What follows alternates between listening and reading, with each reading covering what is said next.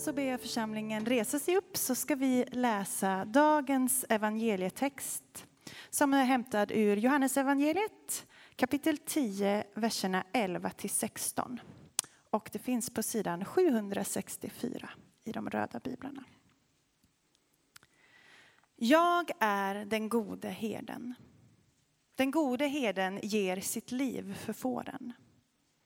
Den som är lejd och inte är herde och inte äger fåren, han överger fåren och flyr när han ser vargen komma. Och vargen river dem och skingrar jorden. Han är ju lejd och bryr sig inte om fåren. Jag är den gode herden och jag känner mina får och de känner mig, liksom Fadern känner mig och jag känner Fadern.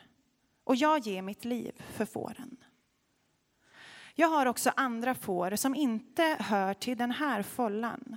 Också dem måste jag leda och de ska lyssna till min röst och det ska bli en jord och en herde.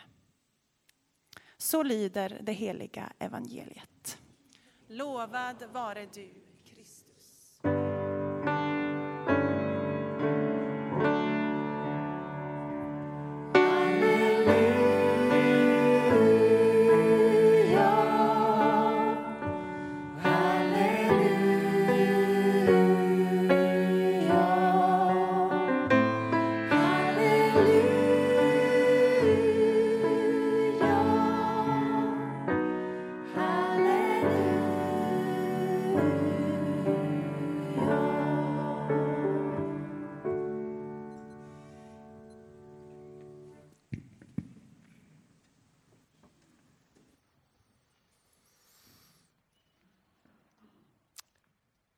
Vilken söndag! Den gode herden. Psalm 23. Herren är min herde. Ingenting ska fattas mig. Han för mig i vall på gröna ängar. Han låter mig vila vid lugna vatten. Han ger mig ny kraft. Han leder mig på rätta vägar, sitt namn till ära. Inte ens i den mörkaste dal, ja, inte ens i dödsskuggans dal fruktar jag något ont. Ty du är med mig. Din käpp och din stav gör mig trygg. Vilka löften! En god söndag. Goda löften. Eller är det goda löften? Vad är det som är inbakat i de här löftena? Ja, men kom ihåg, när ni får ett erbjudande i mobilen som är för bra för att vara sant då är det oftast för bra för att vara sant. Det är en bra regel om någon lovar er 100 miljoners bitcoin. Så det gäller att vara lite noggrann här. Vad är det som ligger i detta löfte egentligen? Guld och gröna skogar. Men vem ska det komma ifrån? Och vem är du i sammanhanget? Vad förväntas av dig? Och om vi läser texten så ser vi ju vem det är som talar. Han påstår att han är en herde. Och vem blir du då? Då blir du ett får som ska följa heden i en jord. Ni märker, det fanns en hake därför att du bor i världens modernaste land. Enligt alla vetenskapliga undersökningar är du så individualistisk man kan bli. Enligt alla undersökningar så har du så lite respekt för traditionen och auktoriteter som man kan ha om man undantar danskarna. Att vara en får i en jord och följa en herde. Amen, det är väl ingenting för dig egentligen. Möjligtvis så kan man tänka sig att skriva om psalm 23 Herren är min jultomte. Han för mig vall på gröna ängar. Eller varför inte en personlig tränare, en livscoach eller en influencer som kan låta mig vila vid lugna vatten och leda mig på rätta vägar, sitt namn till ära och den senaste hudkrämen som är helt makalös. Jag har testat den själv men inte en herde som luktar får och inte en jord. Men nu är vi ju i kyrkan en stund och då är ju Bibeln ofta viktig.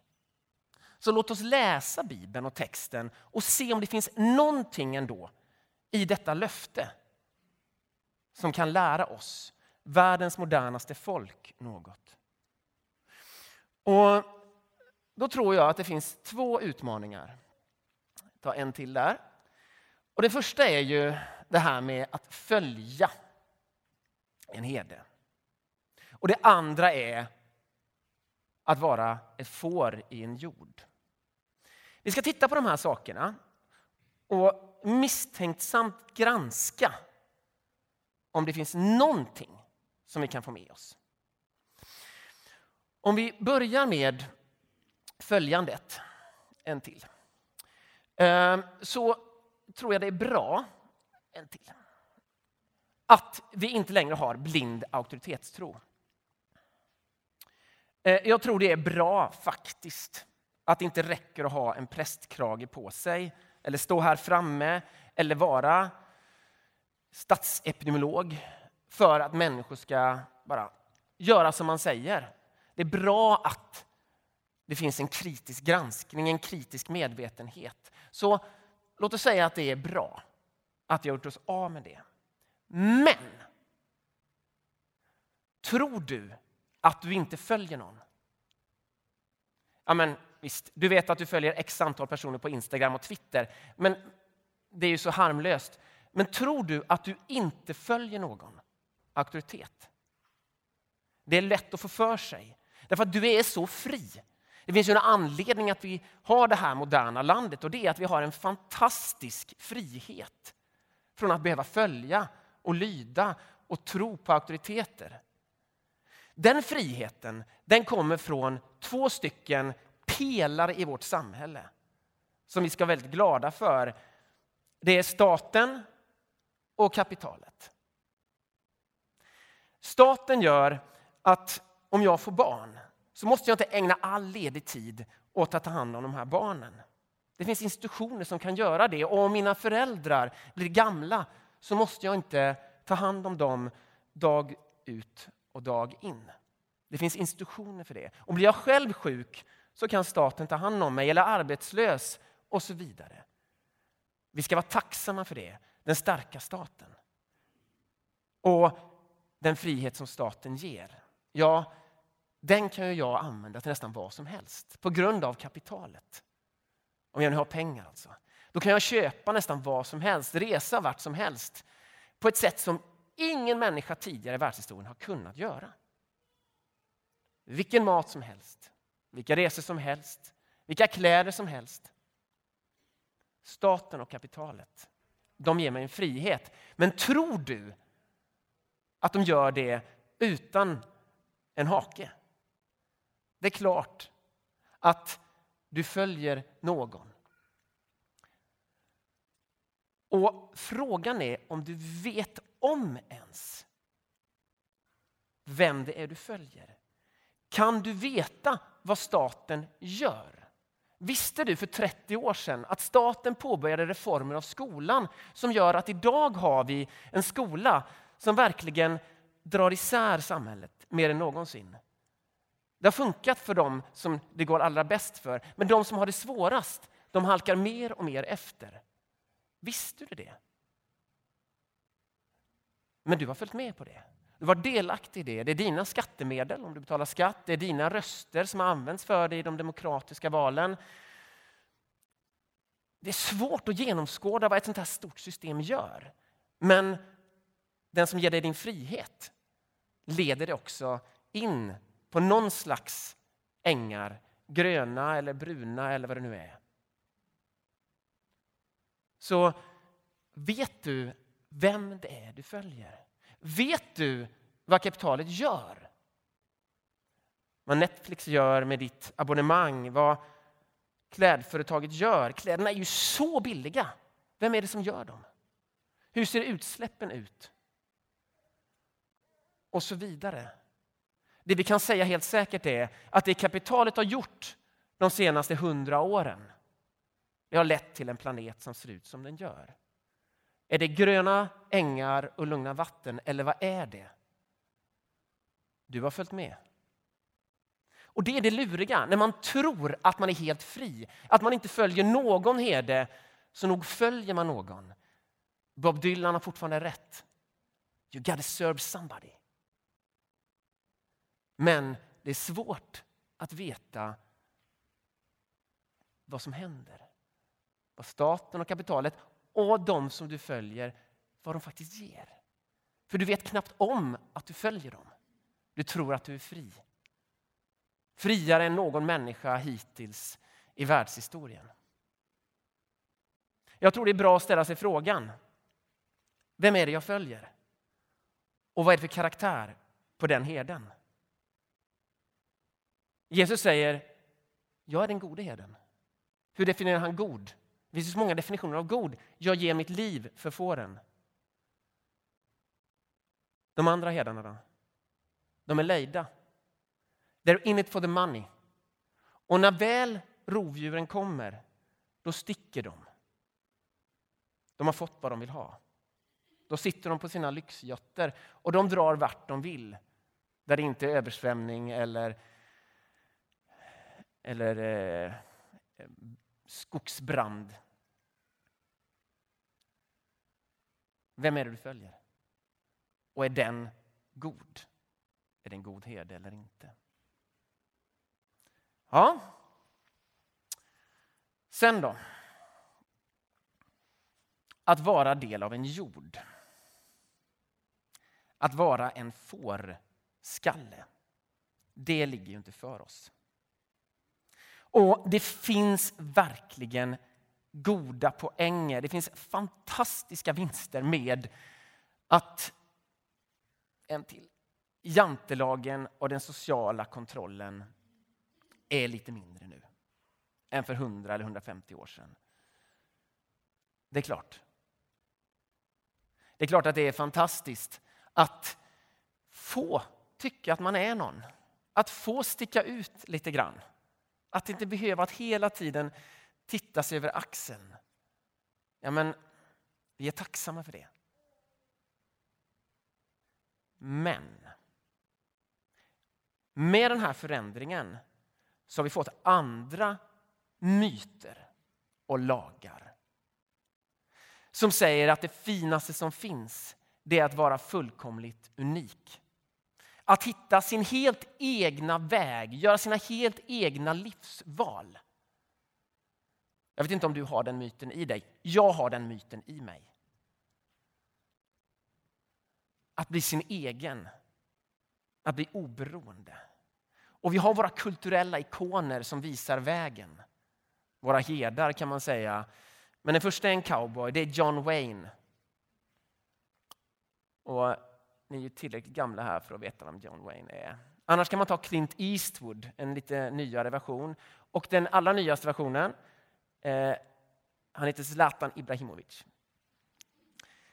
Det är ju starka, oberoende, självsäkra, kaxiga, ensamma män. Det är ju idealet. Att hitta sin egen väg, att inte bry sig om någon annan. Och ni har säkert era egna kulturella ikoner som jag inte kan. Som står för detta ideal. Hmm. Problemet är bara att all forskning visar att John och Clint och Zlatan mår lite sämre än oss andra. De har mer psykisk ohälsa.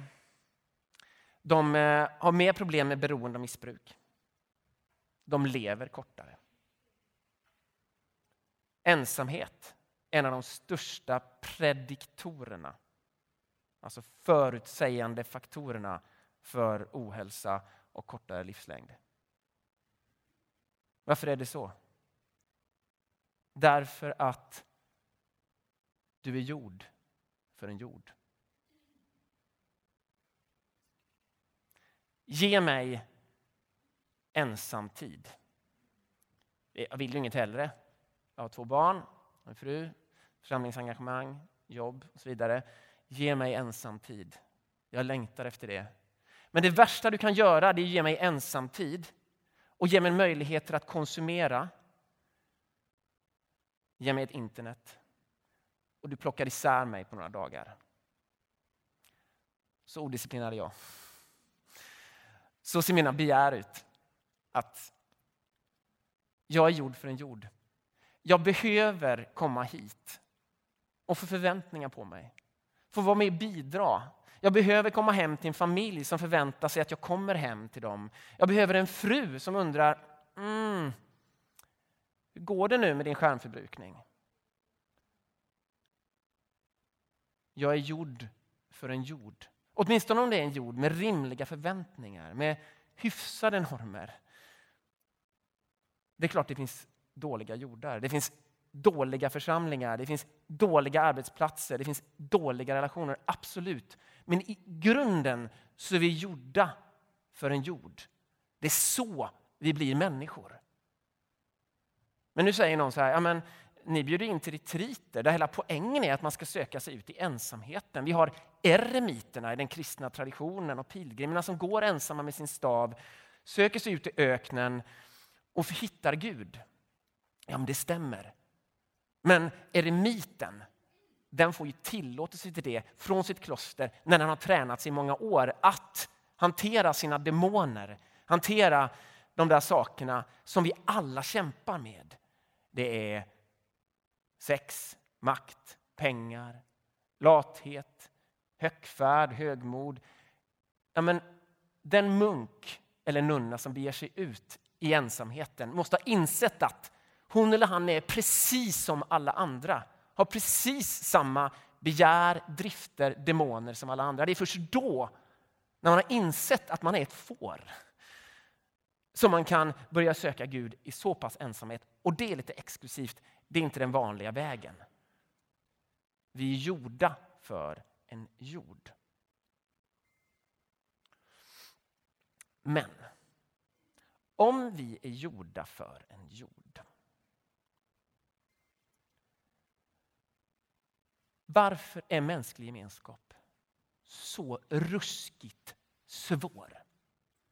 Varför är det omöjligt att leva ihop med någon annan? Har ni försökt? Jag menar på allvar, att leva med någon. De är görkonstiga. Och det värsta är att jag märker när jag lever med någon annan att jag är görkonstig. Jag är omöjlig att leva med.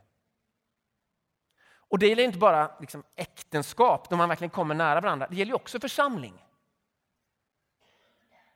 Alltså när vi verkligen kommer vid varandra, och det händer ju då och då. Det är mycket så här trevligt. Liksom. Eh, väder, god bulle på kyrkfikat. I all ära, men ibland så tar vi tag i de svåra frågorna. Hur förhåller vi oss till andra religioner, till islam? Då blir det svårt. För hur kan han tänka som han gör? Och hon? Eller nu, samkönade relationer. Amen, jag som har tyckt om dig. Du tänker ju helt konstigt. Hur läser du Bibeln egentligen? Då blir det riktigt jobbigt. När man verkligen kommer varandra in på livet. Det går inte, skulle jag vilja säga. Det är omöjligt. På det sättet så verkar det ju inte som att vi är gjorda för en jord.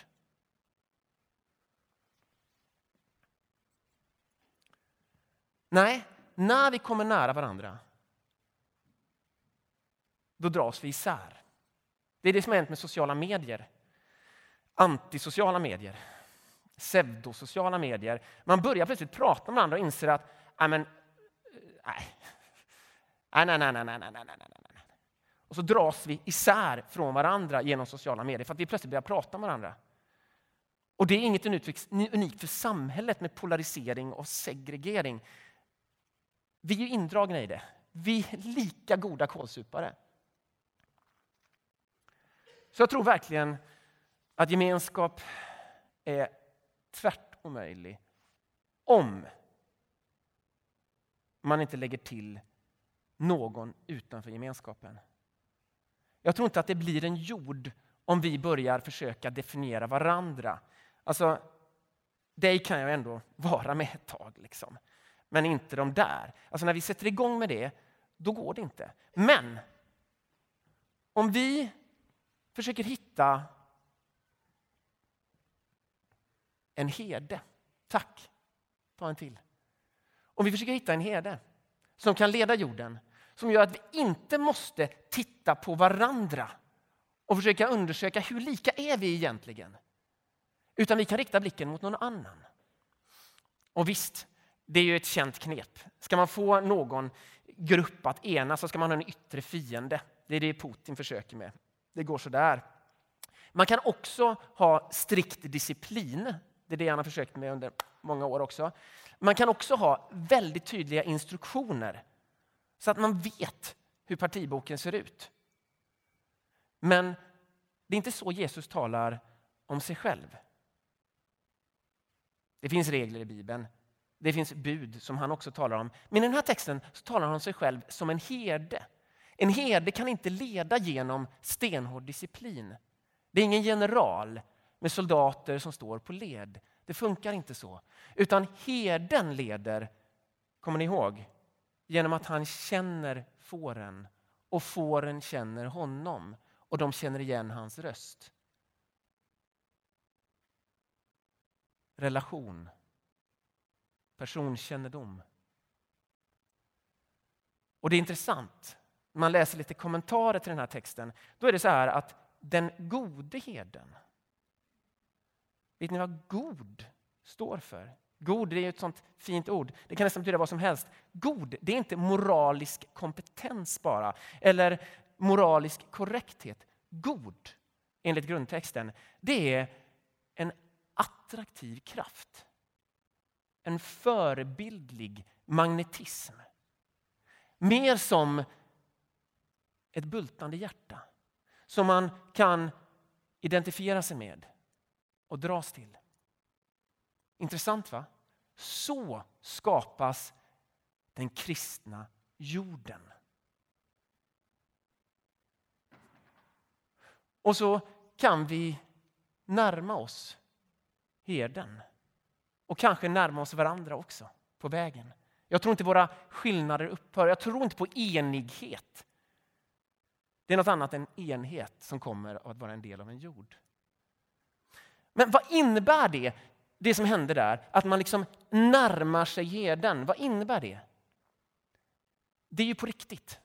Alltså det är inte bara en animering, en powerpoint. Att närma sig herden innebär ju att du tar steg med ditt liv i jorden. Det här är, vi pratar om livet nu. Och Det betyder att du till exempel i en gudstjänst inte står på håll.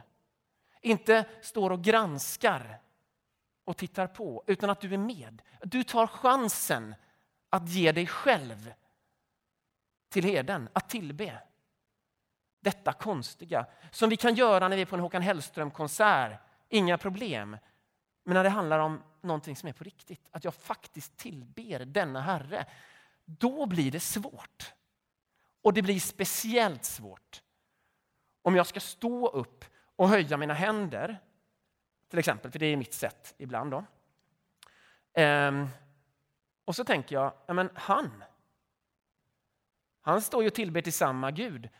Och jag kan ju verkligen inte skriva under på det som han tänker och tycker. Häromkvällen hade vi ju en samtalskväll och då förstod jag att han läser Bibeln på det sättet. Om jag, om jag tillber här, liksom med riktning mot herden, och så han gör det också, då är det som att jag skriver under på hans synsätt på samkönade relationer, eller på evolutionsteorin, eller på Nato. Det vill jag inte göra. Och jag vill inte ge mina pengar till en församling där han finns med.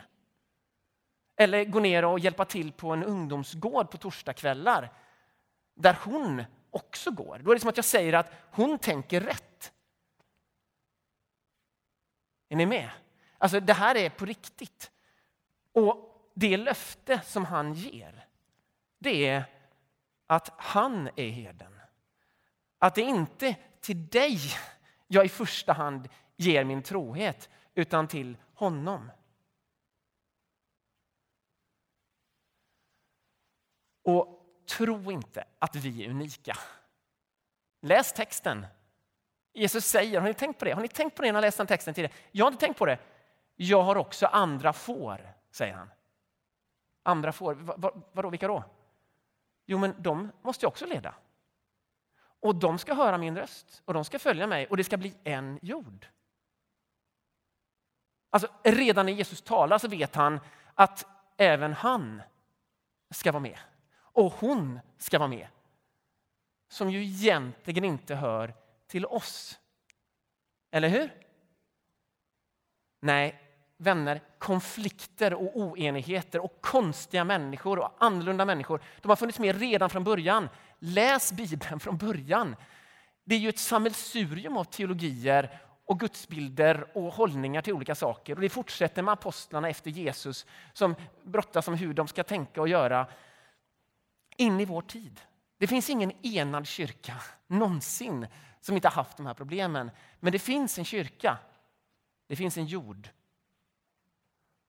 Och du är märkligt nog inbjuden att vara med i den jorden. Till och med jag är det.